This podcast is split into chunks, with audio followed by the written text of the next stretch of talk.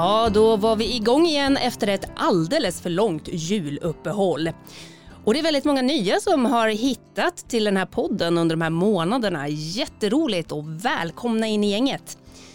Precis som i fjol fortsätter jag att jobba med energi och klimatrådgivningen på Umeå kommun. Men ingen av dem är här idag, för idag ska vi prata om klimatkommunikation och forskarnas roll i omställningen. Vi ska också prata social innovation och varför det ibland är så svårt att få med folk på tåget. Här i studion har jag två forskare från Umeå universitet. Det är Annika Egan Sjölander som är lektor i medie och kommunikationsvetenskap och eh, Carl Johan Bonnedal som är lektor vid Handelshögskolan. Välkomna till Klimatekot. Tusen tack. tack. Ni har båda två nischat in er på hållbarhet. Varför har ni gjort det? Ja, eh, livet är kort. Ska man, eh, man, man, ska tänka på vad, vad, är, vad ska man liksom välja att göra här i livet. Det är det mest meningsfulla som, som, som jag ser det. För mig börjar det inte med forskning utan börjar med andra livsstilsfrågor och, och personliga val. Och sen kom forskningen långt senare. Så att... mm. Och på vilket sätt jobbar ni då med, med de här frågorna inom ert respektive forskningsområde? Kalle? Ja, eh, tyvärr är väl jag alldeles för spretig. Jag håller på med det mesta inom ekonomi kan man säga. Men, eh, så ekonomi är, är mitt ämne då och eh, framförallt företagsekonomi. Men eh, och jag är mest intresserad av, av konflikter mellan ekonomiskt tänkande och eh, hållbar utveckling. Eh, vad, är det som behöver, vad är det som är fel i dagens samhälle? Inte minst utifrån alltså ekonomiska eh, berättelser och perspektiv och begrepp och vi behöver, behöver göra så annorlunda.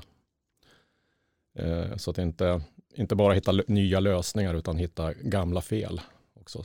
Det tycker jag är väldigt viktigt. Att inte bara tro att eh, vi kan lägga på någonting nytt på det gamla och hoppas att eh, plåstret eh, skapar ett nytt samhälle. För det, det, tror jag inte på.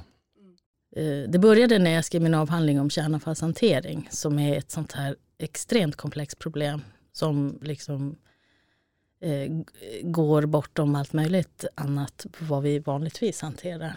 I torsdags tog eh, regeringen beslut i Sverige om att eh, godkänna kärnkraftsindustrins, eh, SKBs, ansökan om, om att eh, gå vidare med sin föreslagna metod, KBS3-metoden och eh, lokalisering till Forsmark eller Östhammars kommun. Eh, för det långlivade radioaktiva eh, högaktiva eh, kärnavfallet. Och det har en tidsrymd eh, på 100 000 år, är vad man oftast pratar om. Det är ju såklart inte någon exakt eh, tidsram, men det är eh, ofantligt eh, stora tidsrymder. Man pratar om istider mellan och sådana saker. Och då, då sätter det ju väldigt stora krav på hur vi hanterar, tar sådana beslut, alltså komplexa beslut. Vad tänker du om den processen då som har varit? Eh, ja, den är ju eh, väldigt intressant. Eh, jag kallade avhandlingen kärnproblem, för det är liksom det det handlar om. Eh, och den är intressant på så vis att den visar status på ekonomi, eh, hur vi tror på vetenskap, medborgardialogens betydelse, alltså ska det vara folkomröstningar om detta. Ehm, människans eh, relation till naturen framför allt. Alltså hur vi definierar oss i relation till den och så vidare. Så att, ehm, jag var inte förvånad att det blev ett ja nu. Man håller på väldigt länge. Och spårbundenheten och så vidare eh, i, i vad vi håller på med. Så att, ehm, eh, men, och också att det är kontroverser om frågan. Det kom ju upp då eh, en kritik som har funnits länge om kopparkorrosion som miljörörelsen har riktat in sig på. Eh, med, och så att säga launchat länge egentligen. Ehm, men eh, Egentligen så skulle vi behöva forska mer på det där för att det, vi får reda på så mycket mer än bara kärnavfall. Det är bara ett av alla möjliga miljöfarliga avfall vi har att hantera.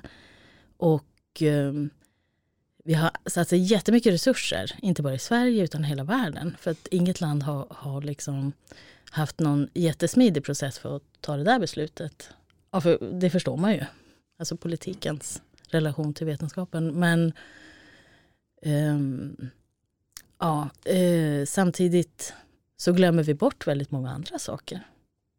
Kvicksilver till exempel har ingen halveringstid. Just det. Nej, precis. Och, och sådana saker. Så att, um, ja. Mm. Men jag tänker just till exempel då kärnkraft och kärnkraftsavfall och liksom i, i många delar av när vi pratar om de här frågorna så blir det väldigt polariserat i debatten kan jag uppleva att man är antingen för eller emot och sen så ska de där sidorna liksom kämpa om vem som vinner. Vad tänker du om den här polariseringen Kalle?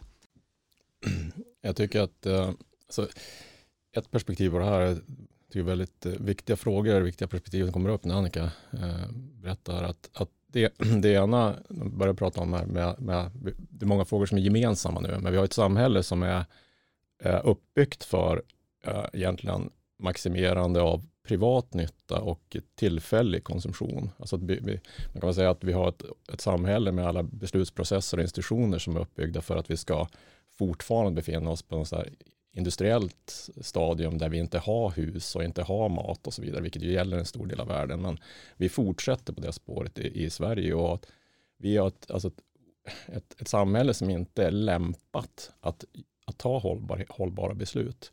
Och, och kärnavfallsfrågan är ett sådant, sådant exempel. Vi har gjort oss själv, själva till, till Gud egentligen och tänkt att, att, att, så att vetenskapliga debatter, jag ser det som en, egentligen en skendebatt.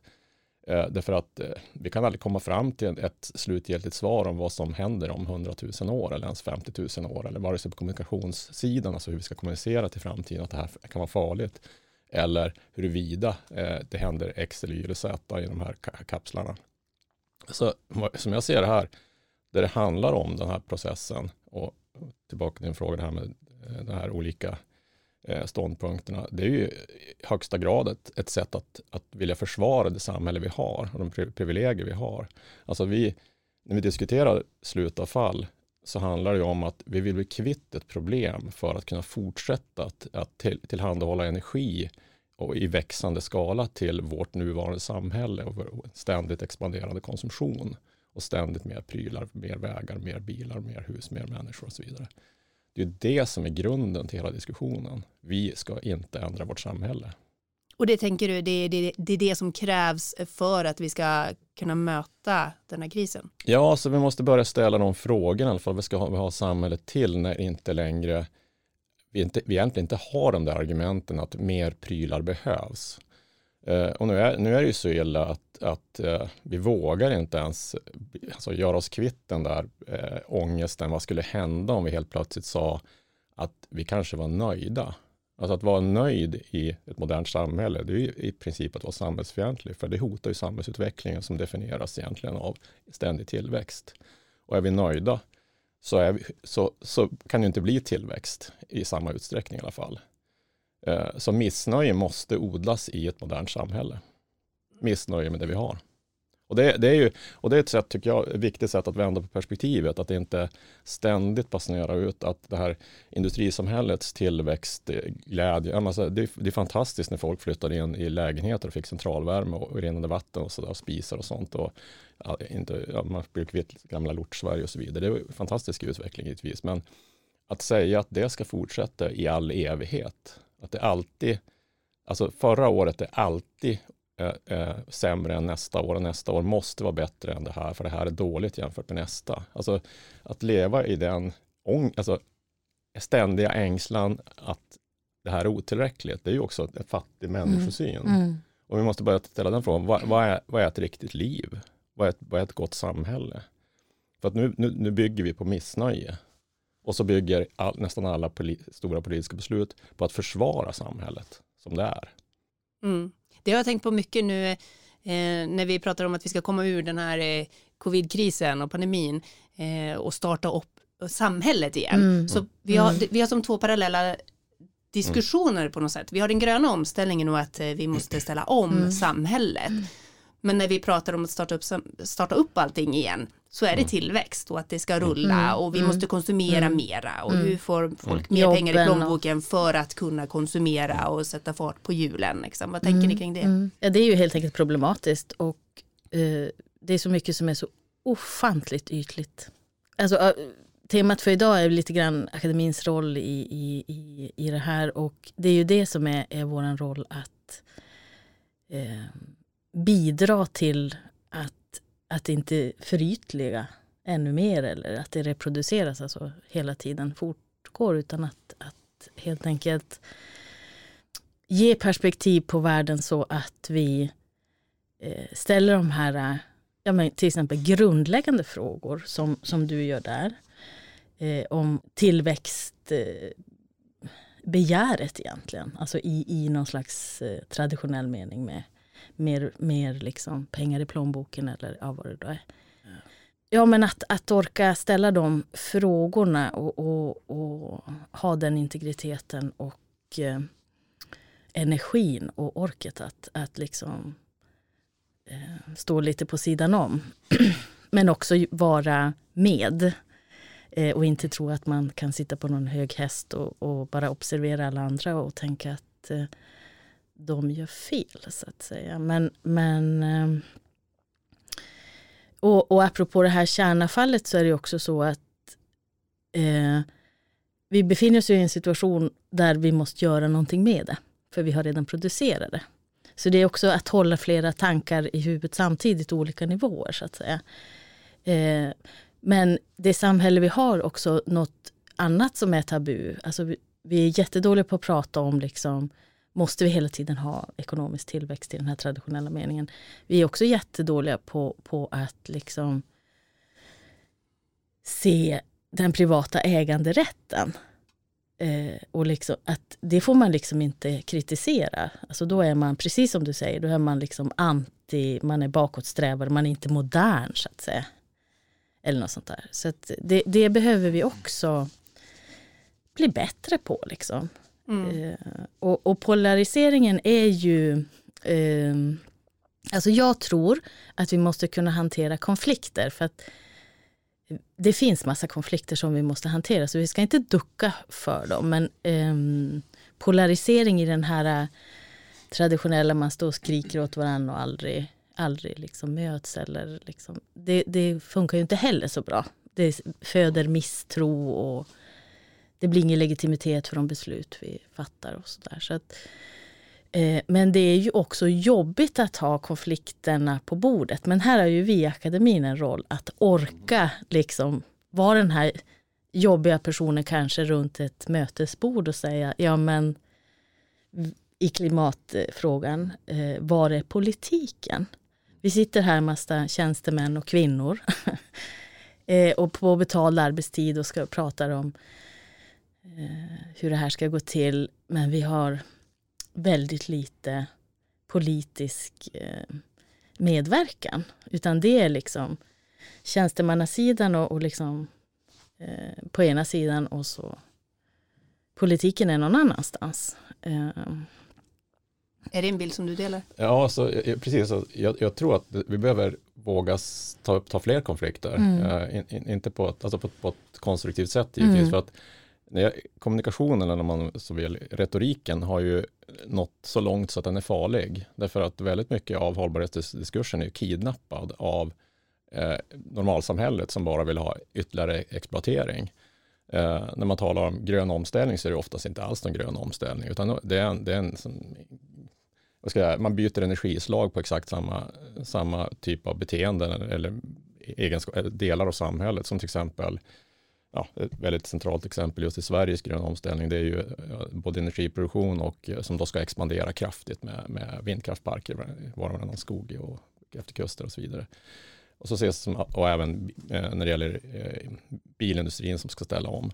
Men då, då glömmer man bort frågor som att, jag menar, man tar för givet där att det behövs, bilen, varje bil behövs och den ska hela tiden, den ska hela tiden bli fler, varje kilowatt behövs och det ska hela tiden bli fler kilowatt. Men man tänker ju inte på, alltså andra, eh, ta, ta bara den här aspekten av, av global resursfördelning. Om alla, alla jordens invånare ska ha samma mobilitetskrav som svensken så, så behövs det omedelbart ytterligare minst 3 miljarder fordon på jorden. Och det är, en, det är en fullständig kollaps. Och vilka är vi som sitter, sitter och säger att vi i Sveriges, Sveriges glesbygd, ungefär som diskurs, debatten går nu, att vi måste ha lägre energipriser på, på drivmedel. Varför, varför just vi? Varför måste just vi eh, åka så mycket bil? Ska, inte, ska vi inte säga då att då måste vi ha fyra miljarder fordon istället för 1 miljard, en miljard fordon på jorden? Ska vi genast börja tillverka batteribilar för, för Afrika och för Sydamerika och Asien? Det är det vi borde göra i rättvisans namn. Men den, den, det perspektivet kommer ju aldrig upp, någonsin. Men jag tänker, hur ska man liksom få med sig människor och politiker på det här tåget då? För vi är ju på något sätt ändå formade som människor att vi alltid vill framåt, vi vill utvecklas, vi, vi vill ha det bättre liksom. Och så att man inte får den här känslan av att men nu, nu ska vi backa. Det går ju emot liksom, mm. det vi står för mm. som människor, att nu ska vi tillbaka och nu ska mm. allt det här jag har vant mig vid bort. Hur, måste vi, liksom, hur får vi till den här vändningen om det är det som krävs då? Alltså det måste finnas alternativa framtidsbilder. Eh, och det måste finnas en politik för det i, i en väldigt vid mening. Och då tänker jag liksom inte på, på alltså, politik kanske även det politiska systemet med liksom arbetsfördelningen och hur, hur vi har organiserat oss lokal, regional, nationell, global. Den är ju inte heller riktigt fit for purpose utan eh, och att man ska bli omvald. Jag menar allt det där, det, det, eh, det, det, det måste, vi kanske måste omorganisera även det så att säga. Och det måste finnas något alternativ för att det är ju heller inte, eh, jag menar Eh, konsumtion och materiell välstånd gör ju oss inte lyckliga. Alltså, vi har ju liksom eh, meningsfullheten i, i människors liv ökar ju inte med materiell välfärd. Eh, så. Eh, vi kanske lever längre och, och liksom är friskare och så på något eh, skolmedicinskt sätt men men liksom upplevelsen av lyckan eh, ökar ju inte efter det att man har mat för dagen och husrum och tak över huvudet och sånt riktigt. Utan, så att, eh, du brukar ju prata om, om ja, men alternativa sätt att, att, att, se på. Så det är ju tillväxt men av en annan typ. Eller det är ju framåt fast det goda livet och andra saker. Men det måste ju någon stå för och, och orka göra det. Och det är ju det som är liksom ganska tomt. Men vi, vi, vi kan väl säga, jag, jag, jag anser i alla fall, vi har institutioner som är anpassade, som, som du är inne på Annika, för en annan tidsera, när jorden var oändlig. När vi var kanske en, en, två miljarder människor på jorden och inte närmare åtta. När vi hade betydligt eh, knappare eh, livsstilar i, i Sverige exempelvis. Och då var problemen andra. Då, då behövde vi institutioner som möjliggjorde att man byggde järnvägar och byggde hus, exploaterade, byggde, ja, anlade gruvor och så vidare. Nu är våra problem annorlunda. Nu är det inte att skaffa husrum och mat för dagen hos folk. Och då måste man ändra institutioner, alltså ändra samhälls, samhällets sätt att, att, att, fungera. Och det, det är ju en, det är en myt att tänka att alla människor idag handlar fritt och vi har ett samhälle som bara tillhandahåller frihet till människorna. Vi är alltid påverkade av institutionerna. Men tar så enkelt exempel som också innebär en omställningspotential, hur skattesystemet styr hur vi, hur vi beter oss. Där är ju väldigt hög, eller relativt sett väldigt hög skatt på arbete och väldigt låg skatt på kapital och, och på användning av, av råvaror. Alltså naturresurser. Om man vänt, och det, det, påverkar vårt beteende, till exempel köpa nytt istället för att eh, reparera. Direkt påverkar det vårt beteende. Och det tänker vi oftast inte på. Och det är samtidigt en omställningsmöjlighet. Flytta skatten på så sätt. Det är ett sätt att ändra de institutionella förutsättningarna för våra, våra, våra beteenden så att de blir mer så här, anpassade till de hållbarhetsproblem som vi har idag. Och på samma sätt måste man också hitta sätt att omfördela resurser globalt så att inte vi ska fortsätta med 2, 3, 4 procents tillväxt i Sverige med, och tillväxt i en strikt ekonomisk mening, vilket det faktiskt är med massor med ökad resursanvändning. Medan fattiga människor i andra delar av världen fortfarande inte har någon husrum eller mat. Va? Det, det, är, det är en, en grym eh, verklighet som, som råder nu. Men jag tänker, det är ju inte gjort i en handvändning att eh, ändra på institutioner och hur saker och ting funkar i ett samhälle. Eh, men tänker du då att man ska göra det liksom ett litet steg i taget, till exempel rikta om skatter, eller behöver vi liksom göra en total omvandling av det politiska Det systemet och samhällssystemet? Ja, men pro- problemet är, alltså det, det är en jätteviktig fråga, men eftersom vi har dragit på det är, det är en parallell till, till diskussionen om klimat, klimat nu, där tid, tiden är så akut, att man pratar om 20- 2030, så vi, vi väntar och väntar och väntar, fortfarande gör man ju egentligen ingenting. Eh, man planerar för att göra någonting snart och utsläppen ökar. Och när vi, samtidigt som ställer den relevanta frågan som du, som du ställde, så måste vi veta att ja, så, så, så dramatiskt är det att, att en radikal förändring, den är grym. Men att inte göra en radikal förändring, det innebär att smällen vi åker på är ännu dyrare i ekonomisk bemärkelse, social bemärkelse, ekologisk bemärkelse, ju, ju längre vi dröjer. Så att tyvärr är det där en realitet vi står inför. Så att det inte, så att, så att vara politiker och vardagsmänniskor, och vi är en del av samhället också, vi är inte skuldfria, absolut inte, Annika och jag, absolut inte, vi är en del av samhället som alla andra och del av en, en, en av de starkaste institutionerna, akademin, som också upprätthåller samhället som det är i allra högsta grad. Eh, så vi, vi, vi, vi, måste, vi måste ju ta de där stegen, stegen nu. Vi måste, vi måste våga göra det. Och, och gör vi det inte, då, då, då måste vi också göra oss medvetna om att ja, vi prioriterar här och nu. Vi låter, som i en extrem bemärkelse när det gäller avfalls, kärnavfallsfrågan, vi låter framtiden ta smällen för att vi är inte beredda att göra det nu. Ungefär som en vanlig social eh, fråga, att man, man har någon pinsam eh, hemlighet och man, man skulle vilja berätta det nu, men man, man, äh, det passar bättre en annan gång. Ungefär. Men det här är storskaligt då, eh, och mycket, mycket allvar, allvarligt. Så man skulle behöva göra det hårt och direkt, men det kommer inte gå. Är det det du menar? Jag har, jag har ett favoritcitat från en, en geolog som heter Jeremy Ledgett som, skrev, som sa att vi ända sedan 1990 när IPCC kom med sin första rapport så lever vi med brottslighetens tid. I alla fall alla vi som, som har haft förmånen att, att leva i ett samhälle där med, med stor informationsspridning och tillgång till eh, forskning och så vidare. Så att, så att visst, vi kan fortsätta vara medbrottslingar och köra det här retoriska spåret som då huvudsak vi gör. Och jag gör mig inte fri från det. När, allmän, alltså, när vi pratar om hållbarhet i Sverige så är det oftast bara retorik och väldigt, väldigt lite förändring. Vad säger du Kalle om det här med individen kontra politiken och det större systemet? Ja, alltså man, man ska ju inte utesluta någon aktör, men risken är ju att alla pekar finger på varandra.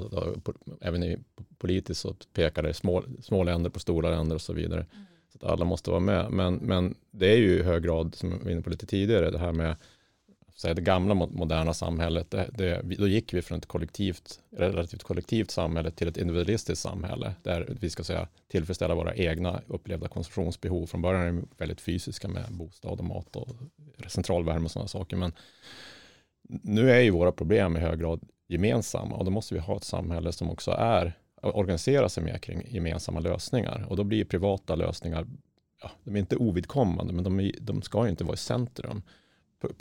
Och inte minst på grund av att väldigt många politiska beslut just påverkar oss som privatpersoner och våra, våra beslut också. Men man kan inte säga att ja, men vem som alla ska köpa ekologiskt eller så när det är 20-30% dyrare. Då måste polit politikerna ändra på det. Men, men jag tänker liksom en del av det här är ju, vi pratar mycket om så här delningsekonomi mm. till exempel, att det kan vara en del av mm. framtiden, att vi inte ska konsumera, vi ska dela.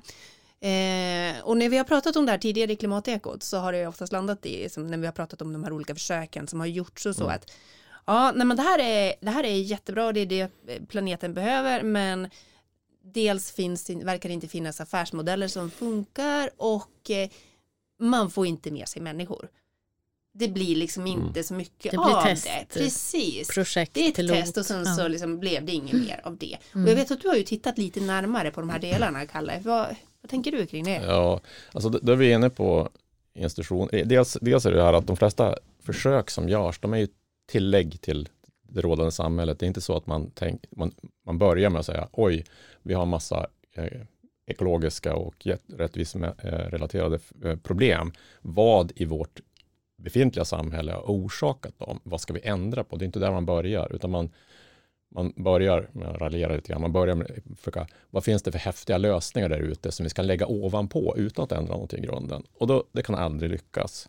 För då blir det till exempel så att en, en, ett delningsexempel, dels är det väldigt mycket tyvärr projektdrivet och det krävs speciell finansiering för det. Och delningsexem delningsexemplet, det bygger ju också på ett par problem. Det ena det är ju att man har en skatt, eh, eh, prisförhållanden som gör att, att, att exploatera nya resurser är alltså så, så billigt relativt att menar, varför, ska jag, varför ska jag bry mig om att menar, samordna med någon eh, för att låna en skruvdragare när det kostar 199 spänn kanske, eller vad gissar jag bara på Clas Ohlson. Det, det var jobbigt. Då måste man ändra förutsättningarna för att det ska lyckas. Annars, eh, annars är det ju dödfött. Den måste bli dyrare, skruvdragaren då? Ja, men alltså, det innebär ju inte att, alltså att, att allting blir sämre, utan det blir annorlunda. Man flyttar, man flyttar kostnader, man gör det mycket billigare att reparera. Man, gör, man måste förändra förutsättningarna för ett sådant eh, exempel, annars går det inte. Sen måste man också tänka på det här att de här exemplen måste få, måste få ifrågasätta det befintliga samhället. Ta, eh, ta ett exempel som Fritidsbanken som är omhuldat nu. Det kräver ju extern finansiering. Det kräver också, alltså ny, det kräver också att det inte får bli för lyckat. Och det kräver att befintlig eh, nyvarukonsumtion och exploatering av, av jungfruliga resurser vidmakthålls. För att om, det, om, om man tänk, fortsätter tänka som, som tidigare, som förut, alltså samhället är som det är, det ska vara som det, som det är, och så sen tycker man att fritidsbanken är jättebra, då, då kommer ju, och det växer och växer och växer, alla, handlar, alla lånar på Fritidsbanken, då blir det till slut inga, varor som, inga nya varor som kan lämnas in där och arbetstillfällena på Intersport och eh, Stadium och så vidare försvinner. Och då kommer krav, ungefär motsvarande som nu krav på att sänka, sänka bensin och dieselskatten. Då kommer det som en som brev på posten. De här exemplen får inte heller hota det, det samhälle vi har. För i så fall blir de ifrågasatta. De, måste, de, de, de framställs som att nu vill vi göra det här, men egentligen vill man inte det. Därför att om det lyckas, då hotar det det samhälle som man försvarar. Just det. Så fritidsbanken får inte lyckats. Och fritidsbanken då ska vi säga också för alla som inte eh, bor i Umeå och är bekanta med det. Ja. Det är alltså ett eh, ställe där man kan lämna in ja. eh, fritidsutrustning, eh, skidor, skridskor mm. och så vidare, tält och så vidare. Sen så kan vem som helst gå dit och låna. Gratis, precis. Det kommer inte från Umeå, alltså det är inte början inte i Umeå men, och det är ett exempel som, som vi ofta använder också i sociala innovationssammanhang. Mm. Mm. men visst är det så, alltså det, det, det, det, det, det märker man ju hela tiden i de här omställningsdiskussionerna att alltså de här till exempel vad en aktör som en kommun kan göra, vad har man rådighet för? Liksom? Och man vill inte gå över gränsen. Och, mm. eh, och det är ju där vi måste vara och ta de diskussionerna. Och för det är ju konflikter. Liksom. Du tänker att ni som forskare ska vara vid de borden? Nej, Eller, ja, absolut. Och, eh, och jag tror uppenbarligen så har vi, har vi en roll att kunna liksom teckna de där perspektiven. Eh, du är ju ett jättebra exempel på systemperspektiv eh, som, som vi behöver en politik för. Och det har vi ju inte idag. Alltså vilka är det som, som har en, en politik med systemutblick? Eh, eh, det, det, har vi inte, det är inte, eh, har vi inte i vår vardag. Eh, liksom. Men skulle vi kunna ha ett sånt, alltså att driva det politiskt? Om man då tänker så här rent retoriskt ut mot väljarna. Ja. Skulle det funka med ett parti som kommer och driver de frågorna? Alltså, eh, det eh, vet vi ju inte. Eh, det beror ju på hur, hur skicklig man är och mm. också, jag menar systemperspektiv är ju inte bara teoretiska och opraktiska. De är ju högst konkreta och vad ska man säga, ty tydliga på ett sätt. Men jag tror också att man måste, vi måste kunna ha systemperspektivet men vi måste också kunna se att eh, saker som görs och gör skillnad. Så att det inte blir heller, för att eh, nu har det ju hänt saker även på en, till exempel med klimatutsläpp och sånt eh, redan idag. Allt är inte nattsvart? Ja, nej, och, eller det är, inte bara två, det är inte bara bra eller dåligt eller liksom Eh, men det är mycket som, alltså vi, vi gör saker och hela hur vi organiserar forskning och, och eh, hela samhället så här, testa, testa grejer och agila metoder för hur vi liksom eh, samverkar och liksom, vi ändrar lite här och lite där. Det är så, det, är liksom inte, det har inte systemperspektiv eller det är inte särskilt långsiktigt. Eh, utan, utan eh, och då når man heller, man får lite resultat. Eh, I det här projektet Klimatneutrala Umeå, det jag har längtat att vi skulle ha pratat om mycket då, vi har ju hängt liksom olika eh, delar av, av, av eh, alltså akademin, eh, energibolag och, och, kommun som är ju en väldigt komplex organisation, att vi skulle pratat mer om till exempel vad är det för utsläpp vi har? Och att vi skulle liksom inte hoppa över den här grundläggande diskussionen. Och vad är det goda livet? Vad, vad är det för samhälle vi behöver? Du var inne på det tidigare, ja. Annika, det här, tidigt, det här med alternativa livsbilder, mm. samhällsbilder. De, mm. de är ju jättesvåra för att en en av de största svårigheterna när det gäller omställning, det är ju det att det samhälle vi har idag är så, det är så lätt kommunicerat till, de, värden, de värden som vi har, som vi ser framför oss och jagar, är så lätt kommunicerade. Vi vet när vi gör karriär, vi vet om vi har mer pengar, nyare bil, mer grejer, nyare grejer sådär än grannen och vi kan jämföra oss med förra året och titta alternativa bilder och kommunicera det, att det här kan också vara värt något i livet. Det är ju en jätteutmaning. Mm. Och den andra, det är ju som inte tas på allvar, det är att vi måste våga ta, du är inne på det Annika, målkonflikter. Just det här, det, det jag nämnde tidigare, just att man lägger på någonting nytt på det gamla. Man tar, vill inte ifrågasätta något gammalt, man lägger ett pro, nytt projekt, någon testbädd eller någon mm. exempel eller någon energibyte på ett befintligt system eller någonting. Men man, man vågar inte ifrågasätta våra bekvämligheter, privilegier, positioner i samhället, vilka som är mest gynnade av det samhälle som vi har idag, de, de privilegier vi har idag.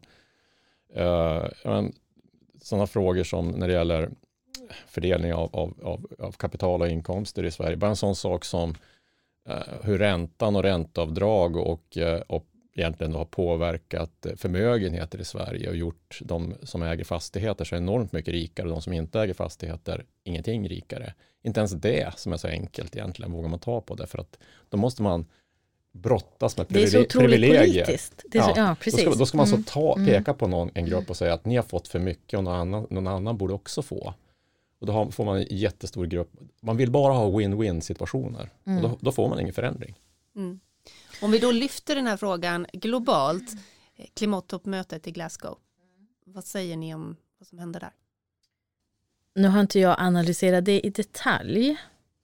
Eh, men dramaturgin för liksom eventet som det är eh, samtidigt med en, en allvarlig agenda på bordet följde ju ungefär samma, samma struktur som COP-möten innan så att säga.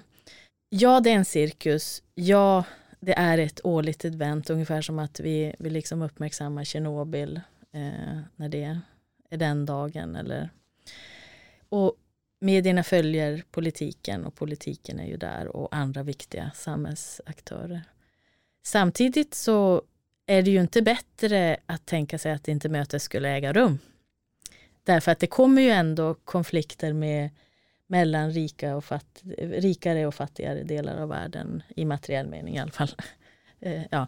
Men, men och, och, så, så det hjälper oss att minnas frågans allvar och så vidare.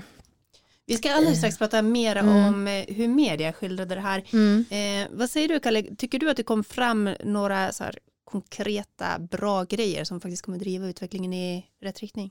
Uh, ja, rätt riktning tillräckligt fort, då är svaret absolut nej. Uh, definitivt nej. För det, vi måste, man måste kunna säga två saker samtidigt. Det ena är om vi hade ett, ett statiskt mål, ett statiskt problem och en obegränsad kalender, då skulle man kunna analysera det här toppmötet på ett sätt, det vill säga titta på att man pratar, man kommer överens om vissa saker, man tydliggör vissa ja, problemet, hur det ser ut, om man träffas överhuvudtaget, man mm. sitter inte i varsin, varsitt hörn och kastar grejer på varandra.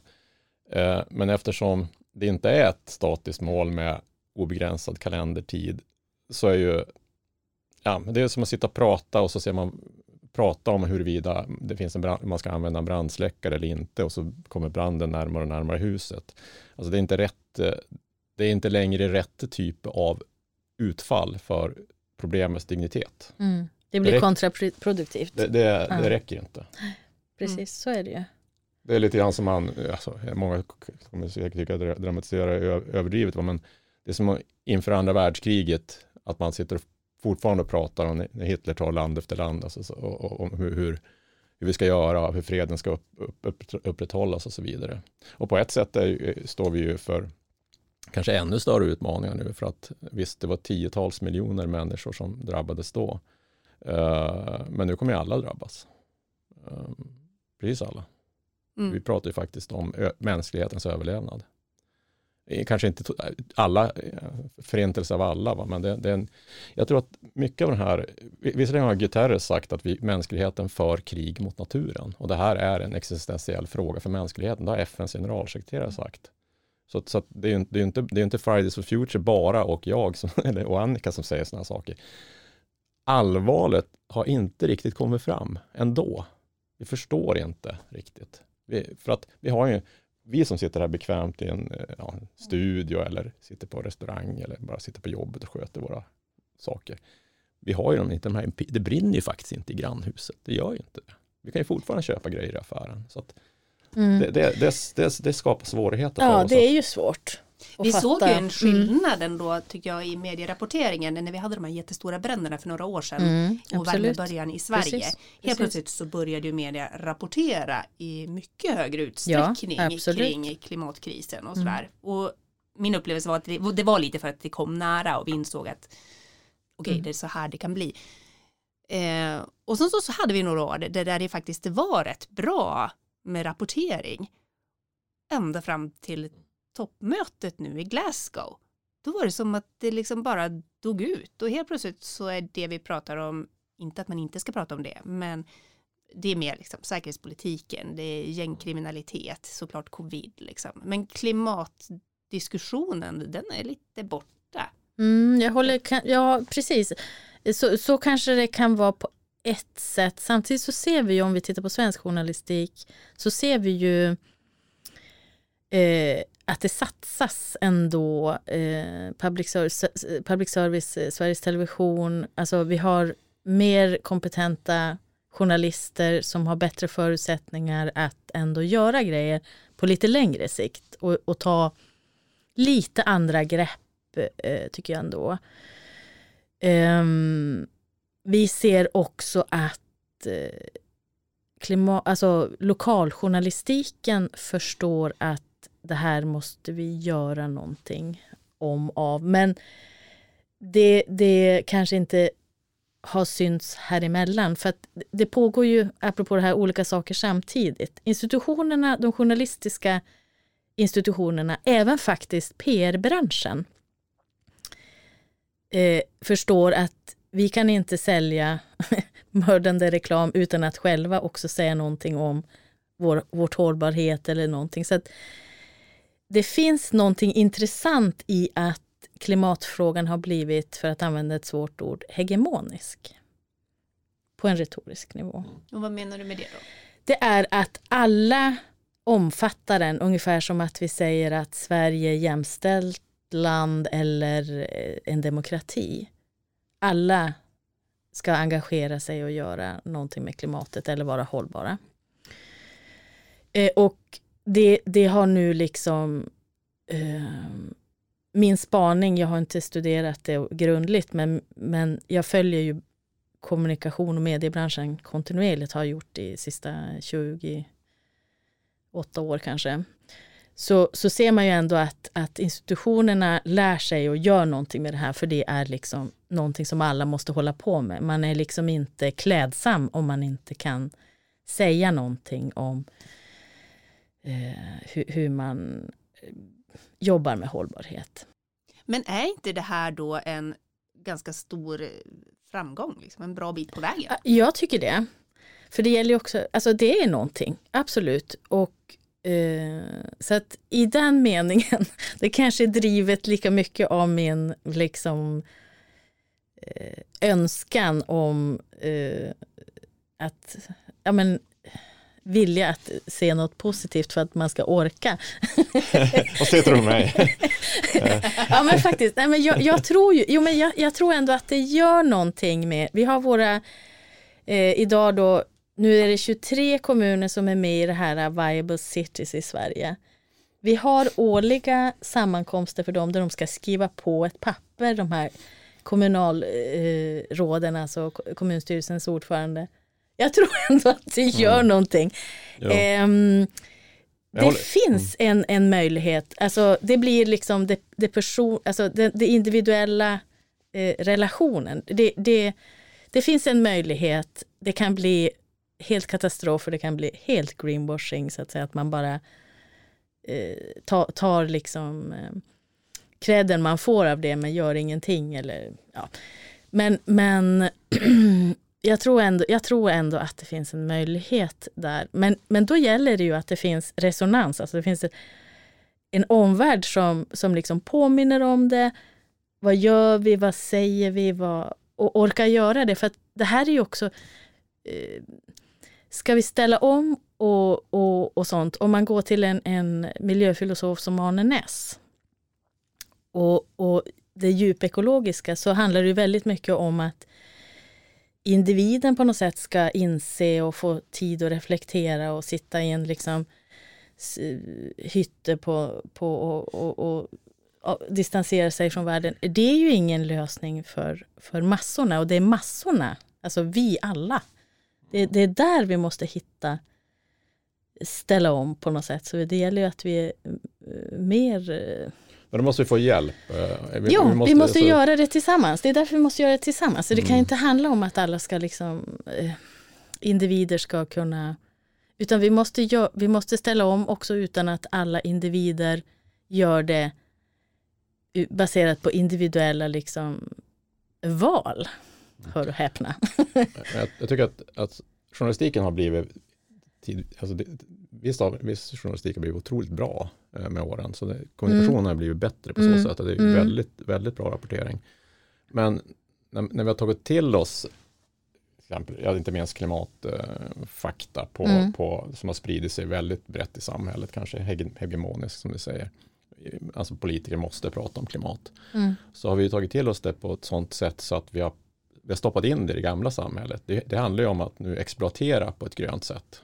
Mm. Eh, Elektrifiera. ännu mer, mm. Eh, ännu, Digitalisera. Ja, mm. Nya möjligheter för bilindustrin, nya möjligheter för industrin generellt i batterifabriker, energivindparker, grönt stål och så vidare. Eh, det är ju inte, det är inte grönt. Det är samma samhälle fast med lite långsammare, lite, lite relativt sett lägre exploateringstakt. Men det är fortfarande någonting som urholkar planetens resurser. Mm. Eh, accelerationen kanske ser lite annorlunda ut.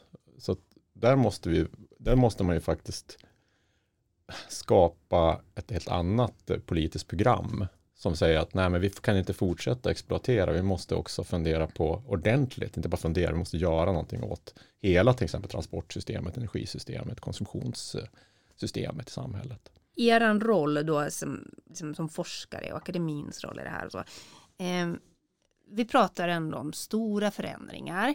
Eh, det finns ju ändå en ganska bred vilja att vilja göra någonting. Eh, både hos politiker, hos näringslivet, liksom, eh, hos individer, tjänstemän.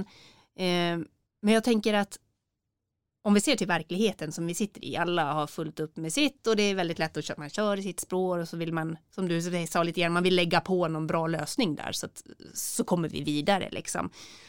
Jag tänker att det kan vara ganska svårt för politiker, näringsliv, tjänstemän att sitta och komma på sådana här lösningar helt själva. Eh, vart kommer ni in liksom, i det här? Bedrivs det forskning för ja, men hur gör man det här och den forskningen levereras till politikerna? Nej, men alltså, förstår ni, vart kommer ni in som forskare i det här för att, och på vilket sätt kan ni bidra till att tänka ut liksom, affärsmodeller, tänka ut eh, nya samhällsstrukturer och så vidare? Ja, det finns jättemycket exempel på forskning. forskning man kan väl säga att forskningen kan väl antingen, mycket av den är ju beskrivande förstås, som man förklarar och försöker förstå och så vidare. Men det finns ju väldigt mycket inom alla möjliga eh, fält. Inom, jag, ska, jag, ska inte tala från mitt eget område, det kan vara vilket område som helst som, som eh, är till för att hitta på nya sätt att komma på ja, sätt att lösa samhällsproblem. Eh, vare sig det gäller integration eller sjukvård eller Eh, organisatoriska frågor i, i myndigheter eller vad det kan vara för något. Så, så det finns ju hur mycket som helst eh, exempel på det. Men eh, jag, jag, skulle ändå, jag vill ändå komma fram till, tillbaka till att grundproblemet är att vi inte ifrågasätter det nuvarande samhällets alltså, all, allvarliga problem. Alltså vi, vi, det är fortfarande så små på, marginalen som vi hittar, hittar lösningar på, på utan att grund, grund, göra grundläggande förändringar i samhället. Och de är ju för oss mycket svårare, för då, då, då måste man ifrågasätta all gammal kompetens. Jag tar bara, tar bara gå tillbaka till akademin istället för att kasta sten i glashus på politiken, politiken och sådär. Akademin är i första hand en institution och en institution som berättar om hur samhället ser ut och försvarar och återberättar hur samhället ska se ut och så i viss mån skapar idéer om förändring. Men i huvudsak är det en representant för det samhälle vi har idag, liksom alla andra institutioner. Så vi kan säga att vi försvarar det samhälle som finns och återberättar det. Men behöver akademin då ta en annan roll? Ja, ja, vi måste, vi måste börja. Det, det viktigaste, viktigaste vi, vi ska göra är antagligen inte, eller stryka antagligen, att berätta för politiker vad de ska göra, även om vi också gärna vill göra det. Det är kul, även om de inte lyssnar. Det är ju att vi ska ändra våra egna berättelser. Vi, vi måste ifrågasätta våra egna, våra egna ämnen. Inte minst jag som är ekonom. Vi är ju överstepräster för, för alltså, medan, medan ingenjörerna tillhandahåller verktygen, eh, teknologierna för att exploatera planeten så är ju vi ekonomer, vi, vi tillhandahåller begreppen. Vi ska eh, expandera, vi ska öka omsättning, vi ska, vi ska konkurrera, vi ska, ja, ö, ö, vi ska växa och tjäna pengar och så vidare. Och så presenterar vi tusen modeller för hur det ska göras på bästa sätt. Eh, så att vi måste ändra oss själva. Och hur upplever du att den diskussionen är inom ditt fält? Ja, men den, den finns ju, men det är precis, precis som på, i politiken, på marginalen. Den stora, den stora massan är ju förstås eh, kvar i... Eh, alltså det, det, det är som på något sätt en, en o, oundviklig eh, sanning tror jag. Att, att jag som individ är huvudsakligen kvar i mina gamla beteenden, mina gamla värderingar. Eh, en politisk, eh, ska säga, ett politiskt sammanhang i huvudsak kvar i sina och ett, ett teoretiskt sammanhang i huvudsak kvar i sina gamla böcker, om man ska säga så. Och, och tankegångar och, och, och, modeller och så vidare. Det är inte så att man vaknar varje dag och tänker, ja, vad ska vi göra av livet? Hur ska samhället vara idag då? Eller hur? Nej, men absolut. Um... Så vi försvarar, vi försvarar det bestående. Vi måste så våga sig, titta oss i spegeln och säga det. Ja, men nu går vi ut och, och representerar det gamla igen, i huvudsak. Och så diskuterar vi något käckt på marginalen hur vi ska kunna vricka till lite grann och kanske hitta på något uh, lite spännande och alternativt, lite mer rättvist, lite mer grönt, lite mer någonting. Va? Hörrni, tiden är alldeles, alldeles strax slut, så väldigt kortfattat men väldigt viktigt. Hur ska vi klara det här? Vem, eh, vad behöver vi göra nu? Mm. Eh, vi måste se till att det vi sysslar med i allt det här dagliga, att det, är, att det inte är ett steg i, i, i fel riktning, utan orka liksom omvärdera eh, det konkret vardagliga i, i, med de här stora tankarna som vi tänker så att säga. Och orka ha med dem och göra kanske ibland både och då. Tvika det lilla. Men också placera det de, med, med, de större frågorna. Alltså se till att de, de eh, frågorna ställs. Det, det, vi måste liksom vara uthålliga. Ja, alla har ju förstås ett ansvar. Förutom det skulle jag kunna säga att, att, politiken har ett extra stort ansvar eftersom politiken är till för att lösa de problem som vi inte klarar av på ett bra sätt att lösa individuellt. Det är ju det som är meningen med politik och samhälle på något sätt.